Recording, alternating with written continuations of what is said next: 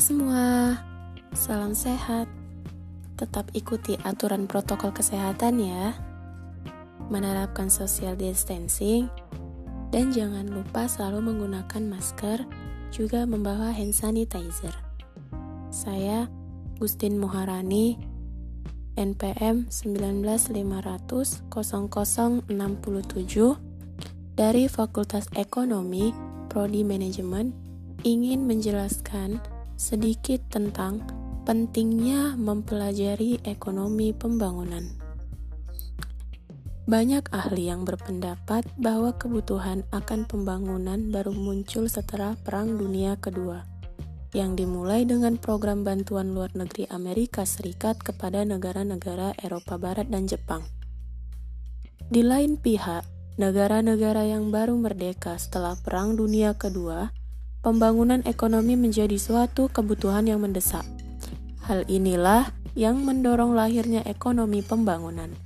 Menurut Preston, Kuncoro 1997, ada tiga pilar utama di balik munculnya teori pembangunan, yaitu pertumbuhan ekonomi, bantuan luar negeri, dan perencanaan.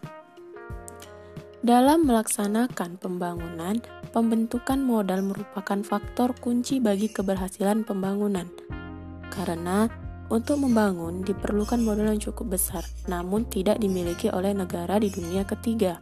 Walaupun memiliki kekayaan, alam dan sumber daya manusia dalam jumlah yang besar.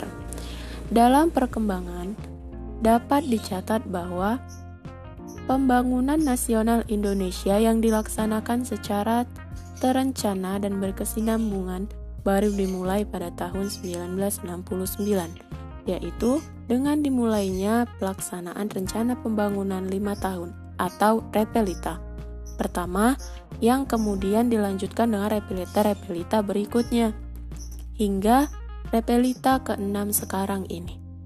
Namun demikian, tidak berarti sebelumnya tidak ada pembangunan dan perencanaannya di Indonesia namun dalam pelaksanaannya tidak konsisten karena ketidakstabilan dalam penyelenggaraan pemerintah yang disebabkan oleh berbagai pemberontakan dan juga sistem politik yang dijalankan oleh pemerintah pada saat itu.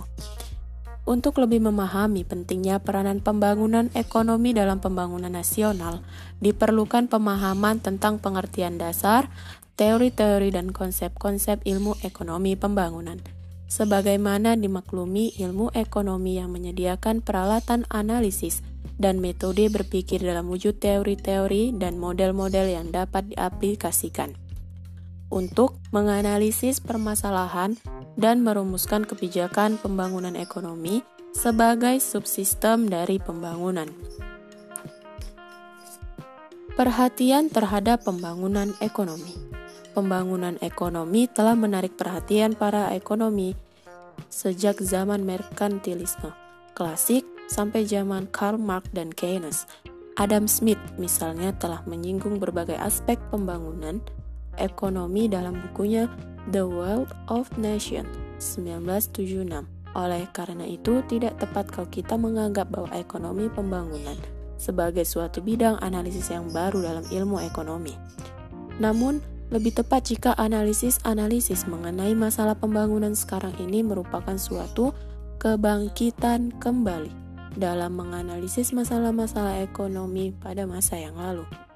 Masa kebangkitan terhadap pembangunan ekonomi ini dimulai sejak berakhirnya Perang Dunia Kedua.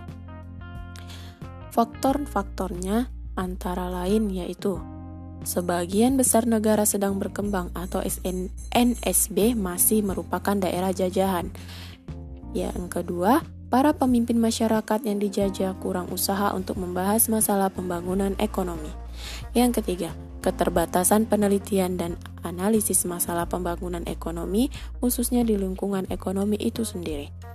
Setelah Perang Kedunia Kedua, perhatian terhadap pembangunan ekonomi tumbuh dengan pesat. Hal ini disebabkan oleh beberapa faktor. Yang pertama, berkembangnya cita-cita negara yang baru merdeka untuk mengajar, mengejar ketinggalan mereka dalam bidang ekonomi dari negara-negara maju. Yang kedua, meningkatnya perhatian negara-negara maju terhadap usaha pembangunan ekonomi di NSB. Karakteristik umum negara sedang berkembang.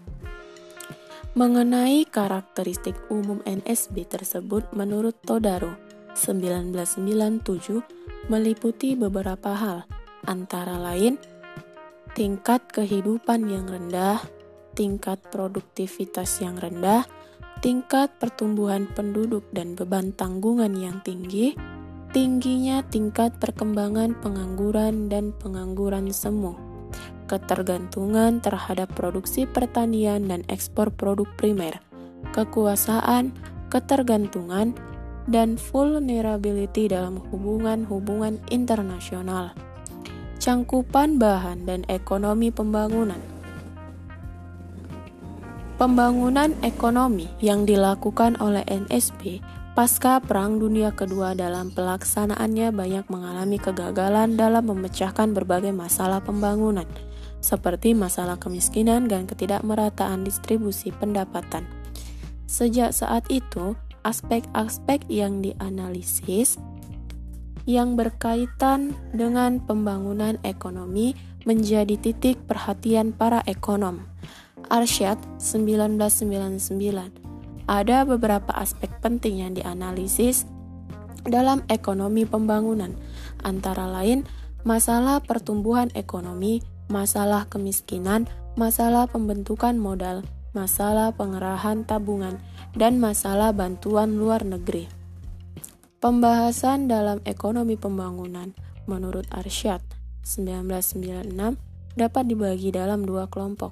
Kelompok pertama bersifat deskriptif dan analisis analitis yang bertujuan untuk memberikan gambaran tentang berbagai sifat perekonomian dan masyarakat di NSB serta implikasi sifat-sifat guna menyiapkan program untuk membangun ekonomi di kawasan tersebut. Kelompok kedua bersifat memberikan berbagai pilihan kebijakan pembangunan yang dapat dilaksanakan dalam upaya mempercepat proses pembangunan ekonomi di NSB. Tujuan untuk mempelajari ilmu ekonomi pembangunan tidak lain dan tidak bukan adalah untuk menaikkan taraf hidup di masyarakat yang lebih baik, memperbaiki ekonomi di dalam masyarakat. Sekian dan terima kasih.